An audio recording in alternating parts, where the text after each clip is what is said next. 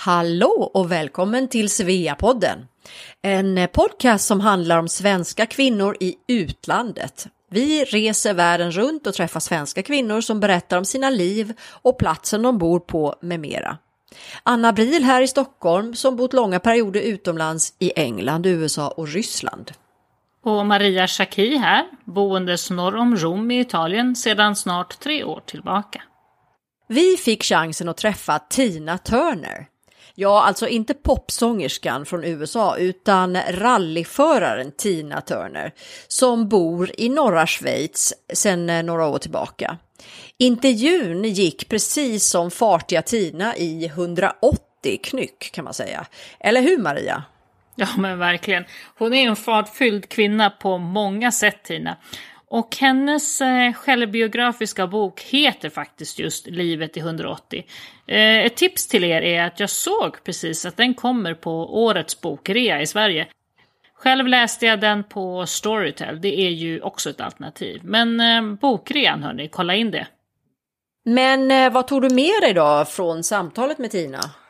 Jag tror det jag framför allt tar med mig är att det är så viktigt att träffa och jobba med olika personer med olika bakgrund över hela världen.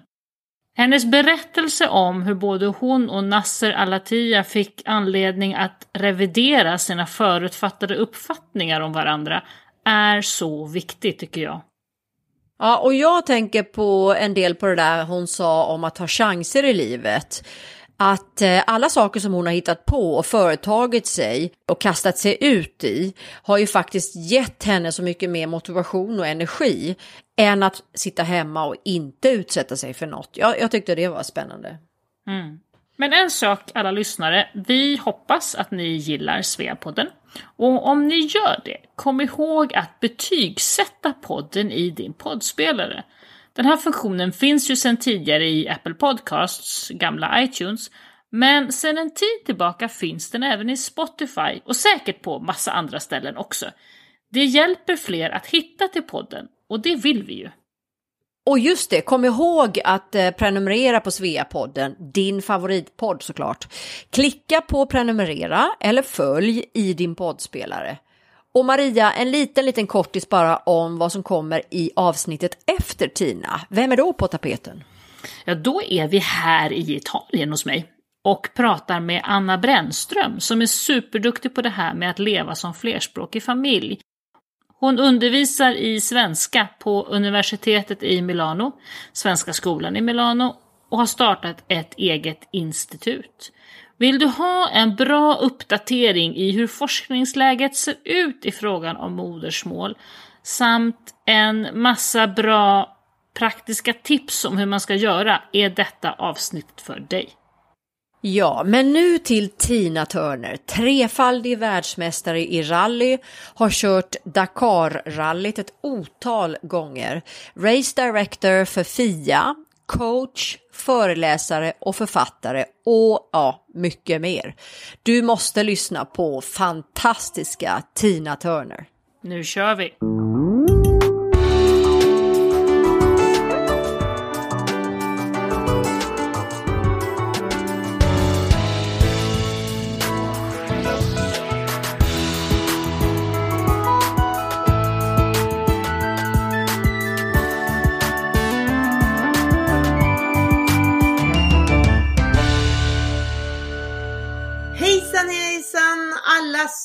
Runt om. Det här är Tina Turner. Jag har fått äran att vara med i er podcast. Till vardags jobbar jag som Race Director för FIA Smart Driving Challenge som är världens största CSR-projekt när det gäller trafiksäkerhet och att minska CO2 vid vardagskörningar. Och eh, som hobby, jag bor och lever i Frutvilen vid Bådensjön. Jag älskar att spela golf, vara ute i naturen, vandra mycket mycket simmer. Och sen så föreläser jag nu också väldigt mycket mer digitalt än förut. Jag driver också en skolplattform som är min startup som jag nu ska presentera för Region Värmland. Egentligen ett helhetsgrepp som ligger under EUs syn på att jobba med ungdomar utifrån sin utbildning från början som är en heltäckande utbildningsplattform. Så ja, det är väl de tre större projekten jag håller på med. Sen har jag ett barnhem i Centralafrikanska republiken, stöttar skolor i Uganda och Sydafrika och älskar att ha utbyte med mina syskonbarn och var precis i introduktionsprogrammet av eh, Secret Song på TV4 där jag blev så överraskad och min familj hade då styrt upp hela det här med TV4 och ville tacka mig för det jag gör för dem i livet. Så det var ju en riktig gråthistoria från början till slut. Jag aldrig trodde att jag skulle gråta officiellt i TV, men det hände det också. Men det är ju just att se att sårbarhet, eh, när du får sådana ofantligt villkorslös kärlek från de som betyder väldigt mycket för dig, hur det kan sätta igång känslor i hela kroppen som inte går att stoppa helt enkelt. Nu har, tror jag att jag sammanfattat Tina Turner. Bor och lever själv, har ingen gubbe, aldrig varit gift, inga barn själv. Men fantastiskt många barn och barn på barnhem som jag stöttar i världen. Hej Tina och välkommen till Sveapodden. Tina Turner. Jag tror att många kanske tänker ibland på en helt annan Tina Turner, nämligen sångerskan. Det måste ha skett en del förvecklingar under åren, eller hur? Det har det gjort och ännu mer. Jag har ju bott här i Schweiz då i 17 år och det har bara varit en fördel eftersom sångerskan, den amerikanska Tina Turner, bor i Kustnach och har väl nu köpt ett gods lite längre ner ut efter sjön. Men då har det ju varit väldigt bra för mig för jag har aldrig blivit nekad. Jag behöver aldrig stå i kö. När jag kom till och skulle köpa möbler när jag flyttade hit då vet jag att de stängde av hela varuhuset. Och vid ett nyårsfirande på Burolac här i, i Zürich då fick vi hela första etagen till nyårsfirande. Så att ja, jag är imponerad på mina kollegor och vänner. När du ringer och beställer taxi så skickar de en limousin, eller hur är det? Så är det. Men du är ju för oss då egentligen känd för helt andra saker, nämligen rally. Hur började du med rally? Rally började jag med genom att jag blev kär. Inget mer, inget mindre. Jag träffade en kille. Naturligtvis, jag är född och uppvuxen på halvön som sticker ut i Vänern.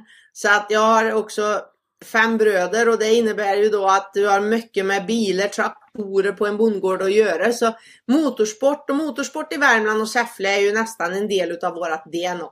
Så att eh, jag hamnade där, jag träffade en kille, blev kär och vi började på att tävla tillsammans. Han höll i ratten och jag i högerstol.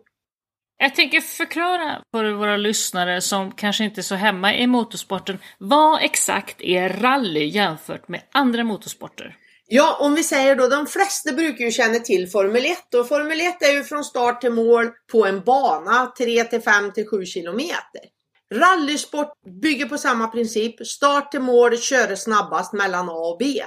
Men vad som gör då att du har en kartläsare i högerstolen och inte kör själv som du gör i Formel 1 är att kartläsaren återberättar hur vägen ser ut för att i rally kör vi inte kilometer, då kör du under en tävlingshelg 50 till 80 mil. Eller när vi åker i Dakar-rallyt som är en annan disciplin då inom motorsporten åker vi 120 mil om dagen. Jag, jag åkte Dakar så körde vi tre veckor i Afrika och lade 13 000 mil under oss i tävlingsformat.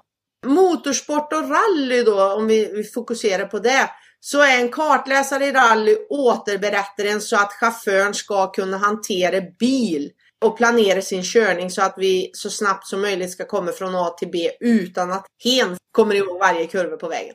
Och är det avstängda vägar eller um, kör ni liksom var som helst eller hur ser banorna ut? I rallysport så är det avstängda vägar, specialsträckor, men vi har transportsträckor där vi kör med vanlig trafik. Så att det är en mix. I ökenrally så är, kör du och är en del av eh, all trafikant, trafik som finns ute i öknen. Och då har vi zoner när vi kommer i närheten utav då bebyggelse eller officiella vägar. Då kör vi med en GPS-kontrollant som då ser våran hastighet så att vi följer trafikens hastighet till 100% annars blir vi bötfällda. Du, det där med Dakar-rallyt, det är kanske någon som har hört talas om det. Jag hade, hade någon association i huvudet där. Vad är det? Och, och det var, du hade någon kul historia där när du blev kartläsare till en muslimsk kille. Och det var lite fram och tillbaka. Berätta! Ja, eh, rallysporten då som jag, jag jobbar med två discipliner utav motorsport. F1 är ju en, där har jag aldrig varit. Men rally-VM är ju någonting, där Monte Carlo-rallyt, Svenska rallyt, Akropolis, Kenya, Safari-rallyt. Det kanske vi känner till. Och sen så är det Dakar-rallyt. Dakar-rallyt är precis som om vi jämför rallysporten som jag har gjort i VRC-rally då som det kallas. Då kan ni säga att det är sprintlopp. Medan ett Dakar-rally är ett maraton. Vi åker 13 000 kilometer under tre veckor med en vilodag. I rally-VM åker du tre dagar med sträckor från åtta till fyra eller fem sådär. Och sen kan du gå till hotell och sova. Dakarrallyt då för mig är ju kanske det som många ser som den ultimata utmaningen inom motorsport eftersom du då under stress och press och inte har några vilodagar. Snittsömnen är fyra timmar. Toaletten var när jag åkte i Afrika en spa över axeln tar hand om din egen eh, toalett och eh, duschen var en en och en halv liters flaska som du kanske då duschade med var tredje eller var femte dag. Du levde i samma kläder fast du svettas lika mycket som du drack. En kan väl säga att det är olika typer men Dakarrallyt är ett maraton. Det kräver fokus, det kräver uthållighet, det kräver att du är mentalt enormt stark eftersom du åker i naturen, bedömer naturen och tar risker efter hastigheten du bestämmer dig och åker igenom det du inte vet. Och det går alltså i, är det Sahara man kör omkring i eller? När jag började så ursprungsrallyt går i Afrika och Sahara men nu sen flyttar det ju då eftersom det blir oroligheter och 2007 där så blev det ju inställt på grund av att det var miliser då som avrättade människor som var på väg ner och skulle titta på rallyt. Då flyttade det till Sydamerika så vi har kört Dakarrallyt i Chile, Argentina, Peru. Eh, så det blev det och nu har det då flyttat till Saudiarabien. Så att nu går hela Dakarrallyt i Saudiarabien. Men det är ungefär samma sträcka, vad sa du, 1300 svenska mil då? Ja, 13 000 kilometer, det blir 1300 mil. Men nu är det mycket kortare, nu är det bara två veckor. Så jag tror att de är nere på 8000, alltså 800 mil nu. Men du, jag måste bara fråga, hur, hur, går det till liksom? Så man kör då och liksom hur mycket sover man liksom och hur sover man?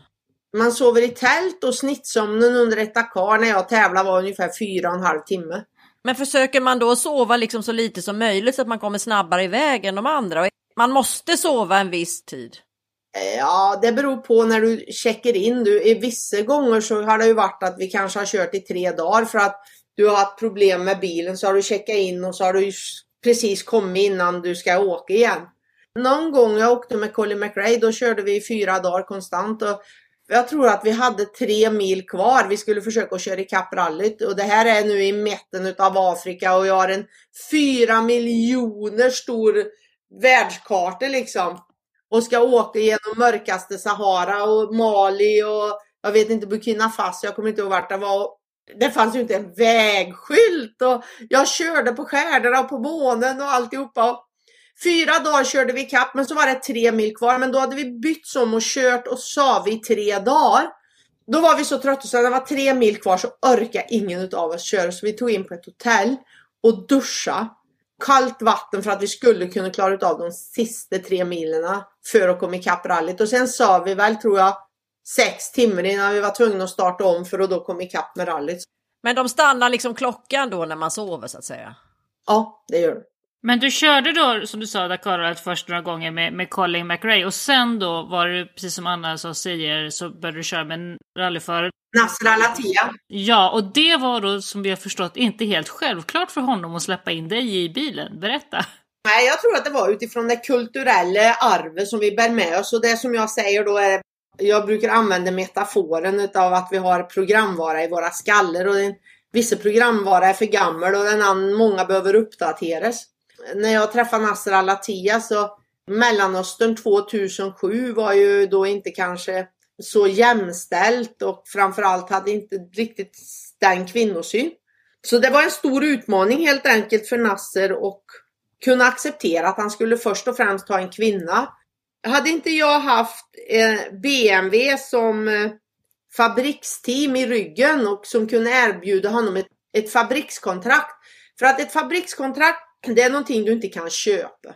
Och det innebar att den statusen som han skulle få genom att Qatar inte längre skulle behöva betala pengar för hans körning var ju att han höjde sig i Mellanöstern i status och fick ett fabrikskontrakt likt de, ja, om vi nu säger Formel 1-förare med van Stappen eller Tommy Mäkinen eller ja, vad det nu är, WRC som har fabrikskontrakt direkt med fabriken. Så fick han ett fabrikskontrakt. Okej, okay, han fick väl svälja att det var ett fruntimmer med i högerstol, men eh, men då statusen för honom som, som förare och som atlet i Mellanöstern så är han den första föraren som har haft ett officiellt fabrikskontrakt med någon bilfabrikant. Och det gjorde ju då att han såg ju status före så tänkte han att jag får reda ut resten. Och det andra var också att han frågade sin mamma. Det är ganska roligt. Vad hans mamma tyckte om att skulle han nu förlora sitt ansikte och status eller vad trodde hon om det här? Och hon välsignade tydligen det här valet och likadant Altani som då styr landet, hans tredje hustru Sheikh Amosa som är utbildad utanför Qatar stöttar också det här och, och menar på att det är rätt väg att gå för framtiden. Så det gick bra? Ja, så blev vi ett team och vann världskuppen 2008 tillsammans. Men du har ju blivit världsmästare tre gånger, eller hur? Ja, världsmästare med tjejer har jag blivit. Det är lite, då är det ett rent kvinnligt team. I världskuppen då har du män men också mixade team. Så att eh, jag vann världskuppen då totalt, män och kvinnor.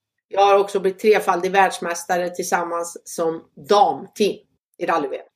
Och nu då så bor du i Schweiz. Hur hamnar du där?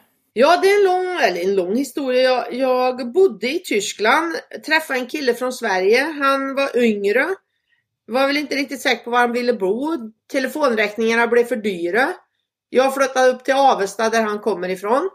Och efter fyra år så insåg vi ju ganska snart att mitt liv och hans liv skulle heller inte fungera utifrån Avesta för vi reste ganska mycket och eh, då tittade vi på att flytta till Österrike och hade det inte varit för att mina kollegor här nere hade precis byggt ett hus på andra sidan gränsen vid Bodensjön och berättat för oss alla fördelar med Schweiz och Zürich flygplats så hade det nog blivit Österrike 2005. Men då flyttade vi in, det här huset byggdes och vi var fyra motorsport familjer i ett och samma hus. Och eh, för mig så var det väl kanske den största fördelen var Zürich flygplats. Med två flygningar runt världens alla hörn och 280 resdagar. Och det andra var att vi har exit här. Det gör ju att du själv, min mamma och pappa har ju aldrig varit så imponerade utav att jag höll på med motorsport och till Dakarrallyt varje år behöver du ha en då som ska ta emot kistan eller ta avgörande beslut i det landet du förolyckas i. Och mamma har tyckt att det här har varit ett helvete varje år. Och genom Exit så kan du ju själv bestämma styre och ja, det finns ett accepterat tillvägagångssätt när någonting händer som du själv har bestämt över och då behövde mamma aldrig ta de besluten kan liksom diktera på förhand vad som ska hända ifall, du, ifall det blir en allvarlig olycka. Ja. Men du, är det mycket olyckor i rally undrar man ju då? Ja, det undrar en. I Dakarrallyt så. Alltså, det är ju hemskt att säga, men det är oftast en eller två som förlorar livet varje år. Och sen så är det ju en del som blir, ja, jag får ju andra skador. De kanske inte mister livet, men. Men du, det har aldrig skrämt dig då liksom? Nej, det är ju där som min familj tycker att jag har fått något fel i mina, i mina kopplingar i hjärnan. har du alltid varit sån orädd? Nej, jag ska inte säga att det är orädd, men jag tror att lusten för det jag kan uppleva om jag tar risken har gett mig mer motivation och energi än rädslan för att stanna hemma och inte utsätta mig för risken. Du, du sa förut att du bodde i Tyskland då en period. Vilka andra länder har du bott i utomlands? Jag har bott i England och Frankrike. Och Amerika. Du studerade på? Albuquerque, ja, på en flygskola. Mm. Och du berättade lite för oss här när vi pratade innan om att det var just där i början eh, i USA som du faktiskt fick en coach och, och började med det här med mental träning. Berätta lite om det. Ja, det är någonting och egentligen så säger jag det att den skulle stämma skolsystemet för de formar oss till att bli alldeles för godtrogna i mångt och mycket eller också förlora våran innovationsförmåga. Men framförallt så är det väl just det här när du är ung och oerfaren och du har din familj och kulturen du växer upp i som referens som blir referens. Det är ju inget konstigt med det men den behöver veta, eller som jag känner att jag fick veta och som har hjälpt mig mycket i livet, det är ju att hjärnan är plastisk. Det innebär att hjärnan är formbar. Beroende på nu om vi säger att jag åkt med Nasser där de har en annan syn på kvinnor och jämställdhet och allt det här. Så är ju det deras verklighet och den tror de på lika mycket som vi tror på den verklighet vi har skapat. Om det gäller religion eller syn på män och kvinnor eller sporter eller vad en äter och hur en sover så där. Men då i alla fall när jag kom till USA så kom jag från Värmland. Jag kom från en familj som absolut, min mamma och pappa var nog föregångare. Det var jämställdhet. Jag har ju fem bröder. Vi fick göra allting samma. Både inne och ute, hjälpa till och sådär. Så när jag kom till USA och skulle gå på flygskola så var det ju just en de frågade ju, visste jag verkligen vad jag valde och förstod jag att det bara var killar på den här utbildningen och Eh, kunde jag föreställa mig. Det här var ju under då press och stress. Det är psykiskt och fysiskt. Och... Alltså var du ensam tjej där alltså? Jajamän. Och vilket år var det här då? 1984. Men det var ju en flygutbildning men jag förstod. Du ville bli pilot. Ja. Och alltså de ville ju inte ha mig där, varken de som ledde flygkaptenerna i utbildningen eller killarna, för de var det ju ett nederlag status sett liksom. Ett fruntimmer skulle klara av samma utbildning, gick där bland de Coola pojkarna, jajamän. Och jag var ju helt knäckt. Jag hade ju ingen familj, jag hade ju ingenting. Jag gick på den här skolan fem dagar i veckan. I alla fall, då fick jag från skolan en... Eh, det var på Career Enrichment Center, hette det här. Och där fanns det då en kvinna som kunde stötta elever. Så jag fick gå hos henne och hon fick ju mig. För jag försökte ju att klippa håren, ni vet anpassa sig. Jag skulle bli mer killig, byggde muskler, alltså så här. Och hon bara säger, men gud varför ska du ta bort din kvinnlighet? Du är en fantastisk ung vacker kvinna. Spara ditt hår! Och jag bara, nej men vad är det? Jag liksom ska ju slåss med grabbarna. Men hon fick mig i alla fall att se det här. Jag fick gå, varje gång jag kom fick jag titta mig i spegel. Jag fick tala om, god morgon eller god eftermiddag världens bästa Tina. Eh, du är den unikaste Alltså det var sådana här mantran liksom. 16 år så, ja det var väl det. De, jag hade inga förutfattade meningar liksom utan jaha det var så här det gick till i USA, ja ja. Och sen så fick jag en massa coachingtips och råd och, för att stärka min mental, mitt mentala bemötande mot utmaningar helt enkelt.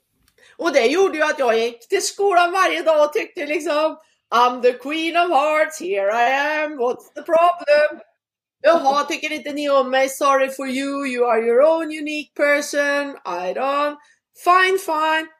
Och så om vi nu skulle ha zoomat ut och kanske filmat mig 1984 så hade det nog varit så här, hon levde i sin egen bubbla och fick det här och liksom Queen of Hearts here I am. Och jag blev också uttagen det år och var med i Homecoming Queen. Jag hade en långklänning, högklackade skor, röd naglar och jag hade samlat mitt hår och hade långt hår. Alltså, och hem i Sverige kunde, alltså mina bröder kände ju inte igen mig på flygplatsen när jag kom. Så att det var en stor förändring. Det gjorde ju att jag fick den här mentala styrkan redan tidigt, eller lärdomen och verktygen till att kunna jobba med mina tankar och känslor framför allt utifrån det undermedvetna och sen kunde zooma ut och egentligen fråga, ja men Tina är det här relevant eller inte? Och kanske då som har hjälpt mig enormt mycket resten av livet. Och det får jag ju frågor om ofta, men hur kan du bara stänga av och hur kan du gå in och ut i tillstånd? Och hur kan du vara, nu håller du på hundra saker med Fia och sen nästa dag så jobbar du med ditt barnhem eller nästa timme eller nästa kvart så är du någon helt annanstans och gör en helt annan grej och kan gå in och ur sörjarbete och så det är många sådana här grejer som jag idag får frågan om hur klarar du mentalt och hantera allt det här. Och jag skulle ju säga, hade det inte varit för henne, Sue Griffiths heter hon. Eh, så hade det, jag hade aldrig fått de verktygen och det har gett mig enorm livskvalitet.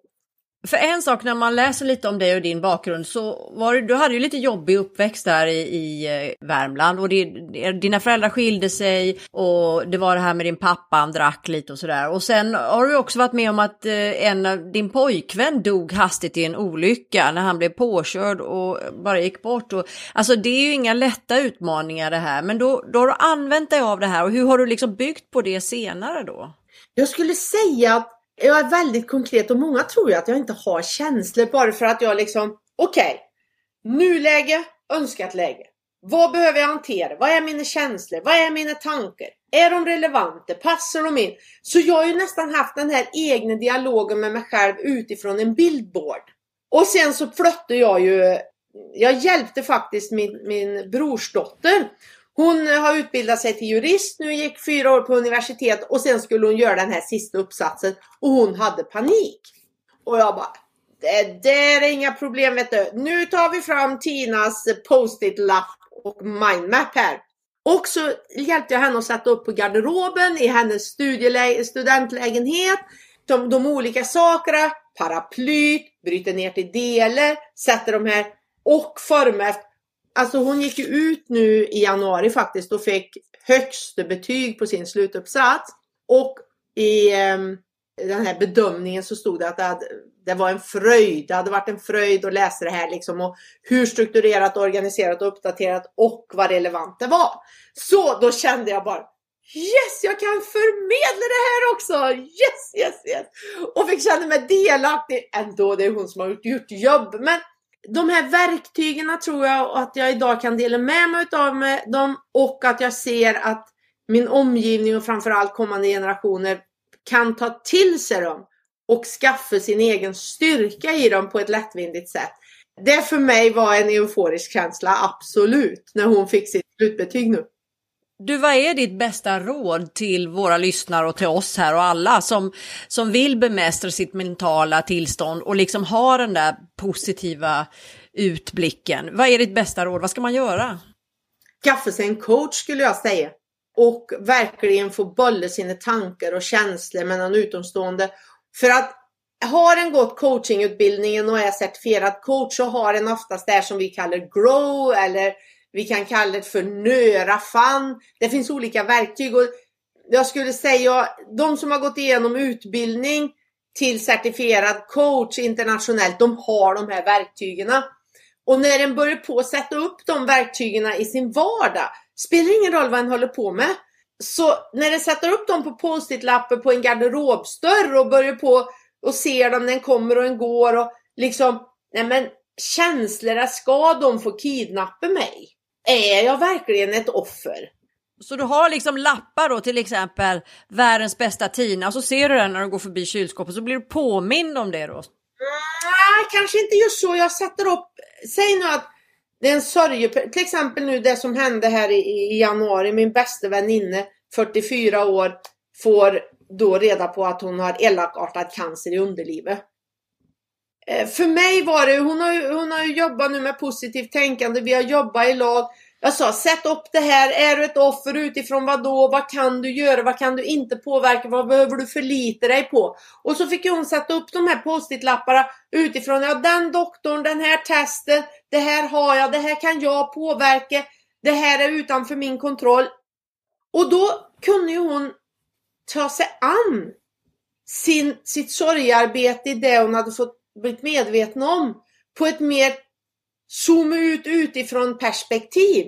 Men ändå hette de stunder där hon fick vara ledsen, eller där hon är ledsen, det är ju fortfarande pågående, där hon är ledsen, där hon ringer och gråter, där hon är sårbar. Men i sårbarheten då, även, ja men nu är jag sårbar, jag måste få ut det. Ja men då har hon en acceptans och så är hon sårbar. Men hon blir inte hela tiden ett offer för cancer. Så om man nu tittar på det här då och hittar glädjeämnena, för det är ju ändå det som kommer att hjälpa kroppen och bli frisk. Där du inte gräver ner det för då tar du bort all energi. Du behöver ha glädjen och det behöver hon ha. Och nu efter alla röntgen och allt vi har gått igenom nu den senaste månaden så har det inte spritt sig, det är inte i lymfsystemet. Vi har hittat massor med positiva saker som nu står på lapparna. Och nu är det behandlingen som ska ske och sen ska vi göra det här. Så att det blir en handlingsplan. Och, och hon är i jämförelse med när vi startar den här processen så är hon ju en, en väldigt mogen, mentalt inställd kvinna till utmaningen som hon ska övervinna. Visste du att Svea finns hemma i Sverige? Vi har fyra avdelningar i Sverige som hjälper dig att hitta hem igen. Har man bott utomlands länge så har samhället hunnit förändras och kanske har vänkretsen glesnat lite. Det är inte alltid så lätt att flytta tillbaka hem. Det kan bli en omvänd kulturkrock som man kanske inte riktigt räknat med. Man kan också behöva lite råd i en del praktiska frågor och rutiner som ser annorlunda ut nu efter många år utomlands. Och då finns Svea Göteborg, Svea Stockholm, Svea Örestad i nordvästra Skåne och Svea Malmö att vända sig till.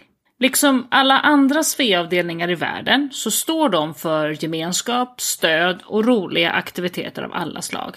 Alla svensktalande kvinnor som bott utomlands är varmt välkomna att gå med i någon av Sveas hemvändaravdelningar i Sverige. Du är så välkommen att kontakta någon av de här avdelningarna. Mer info eh, finns på svea.org under fliken Hitta Svea eller på Facebook och Instagram där Svea Sverige också finns.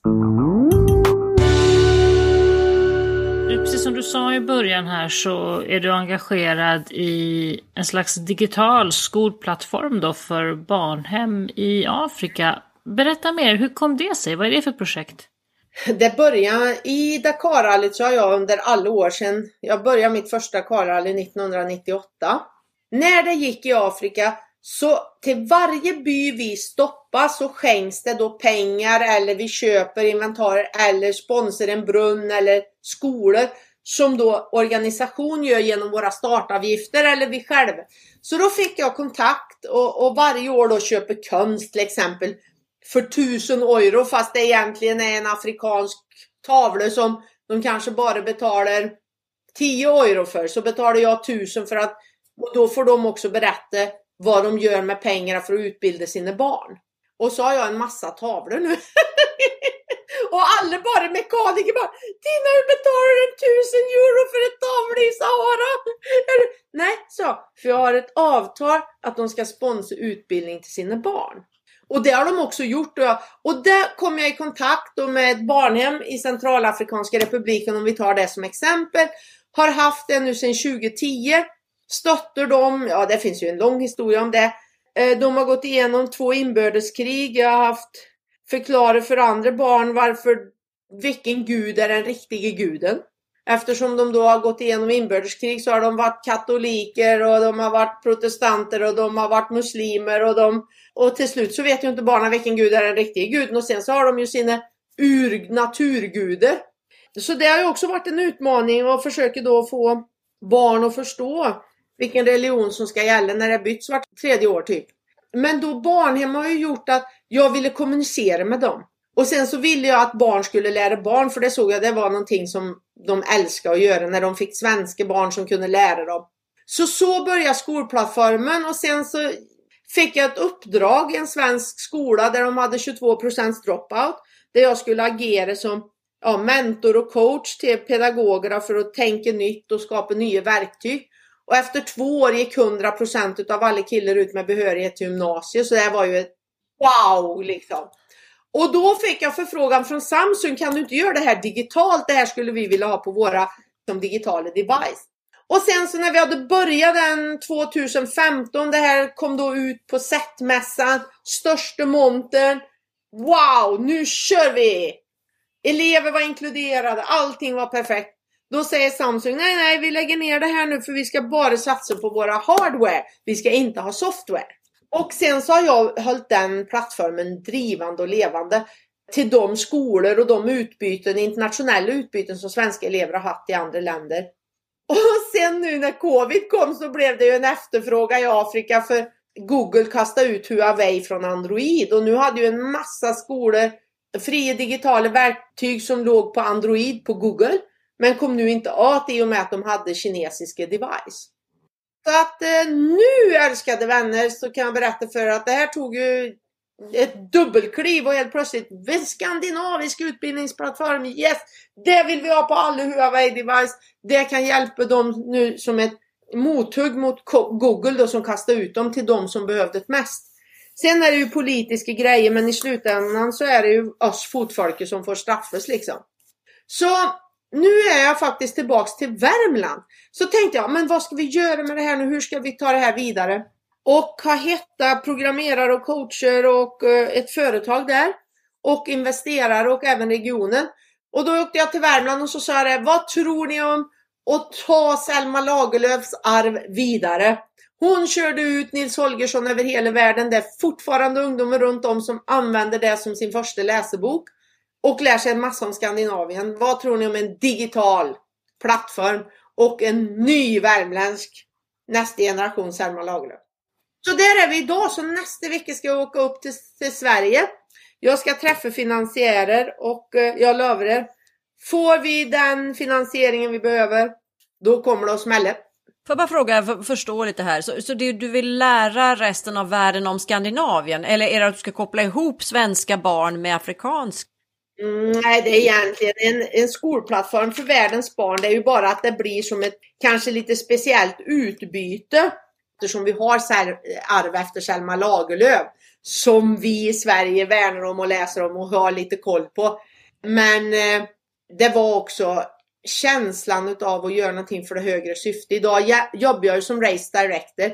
Det är för att hjälpa människor som inte kan bara byter till elbilar för det kan de inte i Afrika, och Asien och Centralafrika för de har inte den ekonomin.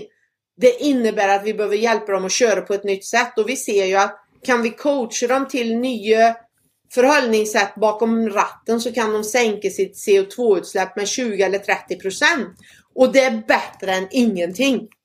Men du, ehm, du bor ju nu i Schweiz. Berätta lite om ditt liv där och eh, vad tycker du om Schweiz? Vad är det som är bra och vad är det som är mindre bra? Ja, men jag älskar Schweiz. Jag hade ju aldrig bott här om jag inte hade gjort det. Jag älskar direktdemokrati. Jag älskar att vi har exit. Jag tycker att det är ordning och reda som jag kanske har blivit uppväxt med utifrån min kultur. Det är liksom väldigt tydliga direktiv. Det är konsekvenstänk. Det är mer personifierat, alltså du köper din skräppåse och sen finns det ställe du betalar för att lägga den där. Du åker till uppsamling, alltså en handlar närodlat. I nästan varje by finns det det här med att du varje år går till doktorn, du har en husläkare som känner dig utan och innan. Ja, sånt som jag tycker sätter värde för mig då. Det, ja. Många kanske undrar och tänker liksom det är väldigt dyrt att bo i Schweiz. Är det det? Ja det är det ju, men lever du och bor och tjänar pengar här så blir ju det i samma system som i vilket annat land som helst. Du betalar din egen sjukförsäkring men det gör ju också att du investerar i att hålla dig frisk.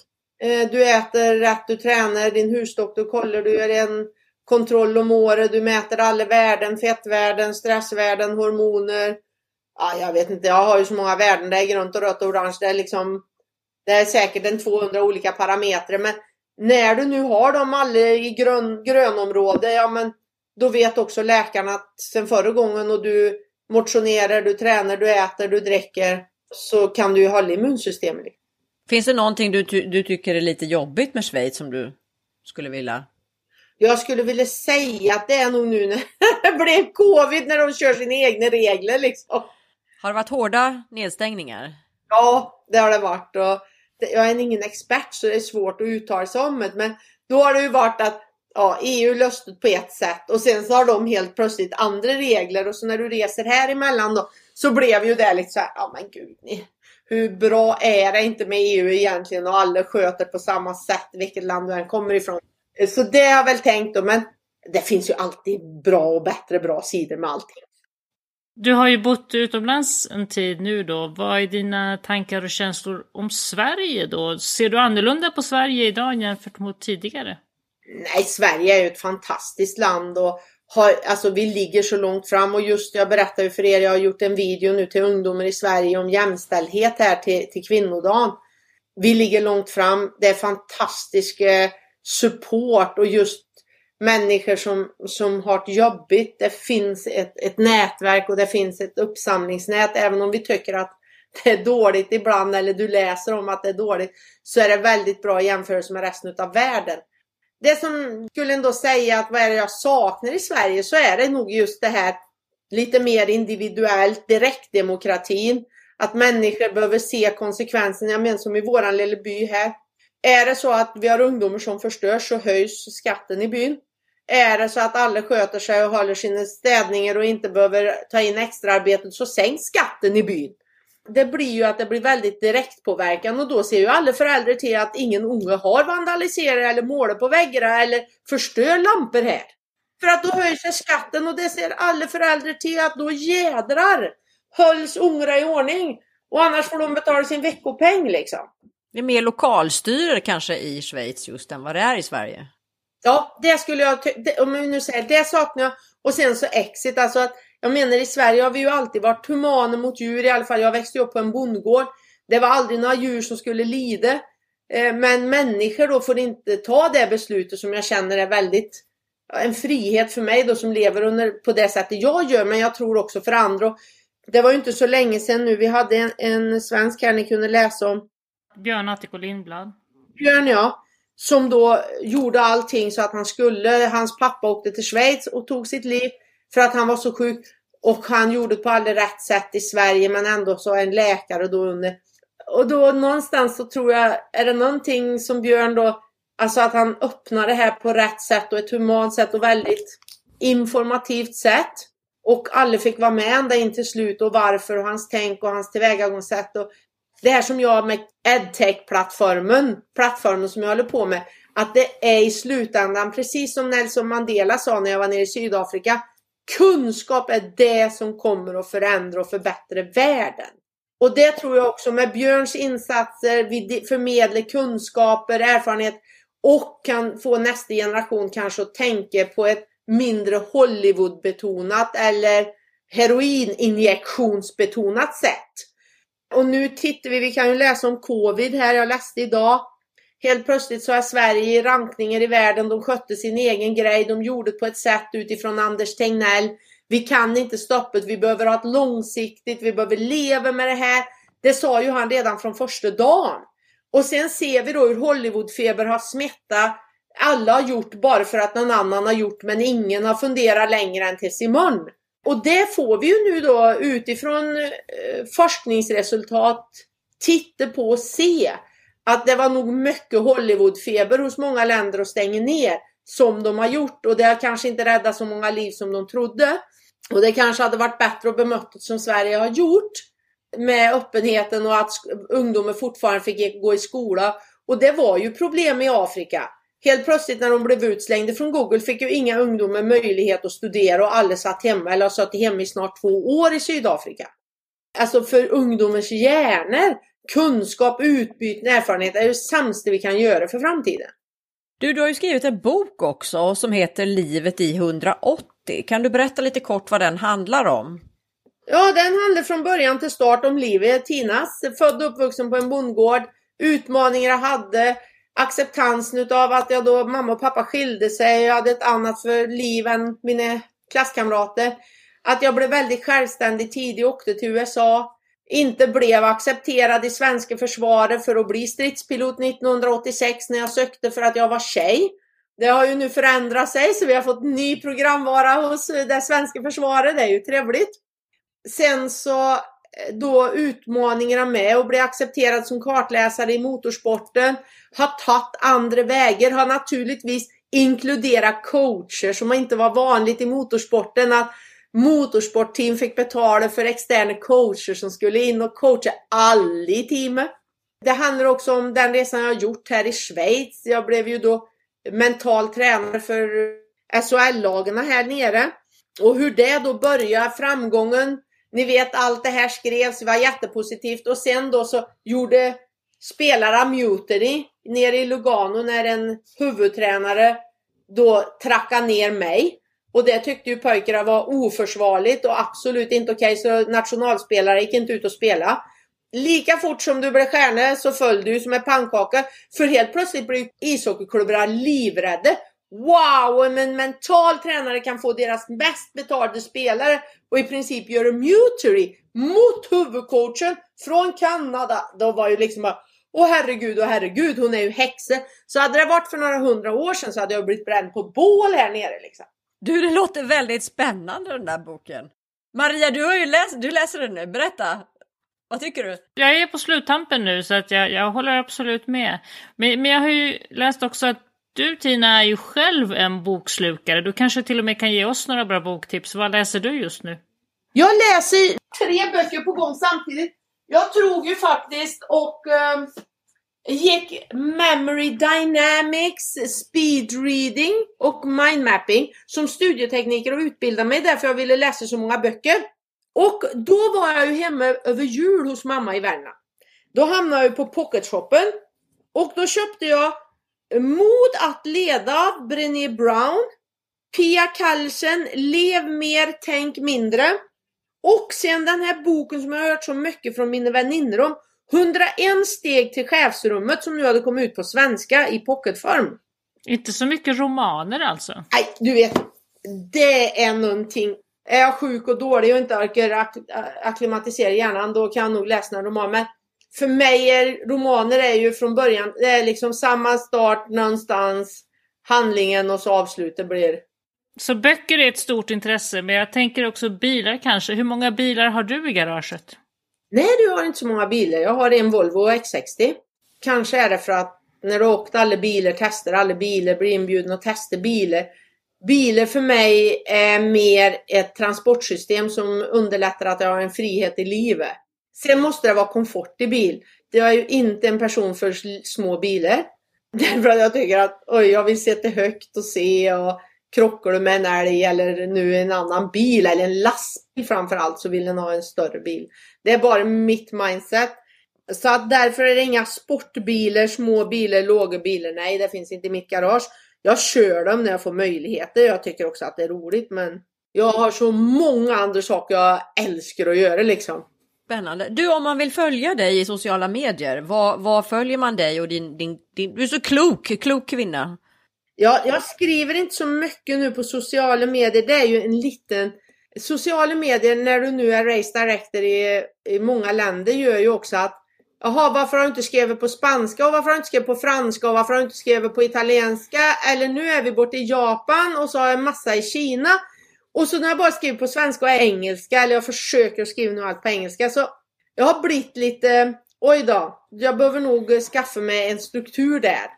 Så det behöver jag göra, men annars jag har Instagram, jag har Facebook, jag har LinkedIn och Twitter. Ja, men vi ska dela det med alla våra lyssnare som, som vill följa dig såklart. Och sen ska vi väl också bara påminna om att du, du är ute och föreläser och om det är några Svea-avdelningar eller någon som vill boka in dig så går det också jättebra. Då hittar man dig på din hemsida. Absolut, och jag gör det ju digitalt nu, har en egen liten studio och allt det där så att eh, det går bra både fysiskt och, och även digitalt nu idag. Och det handlar ju mycket om sån här mentalt positivt tänkande och sånt där.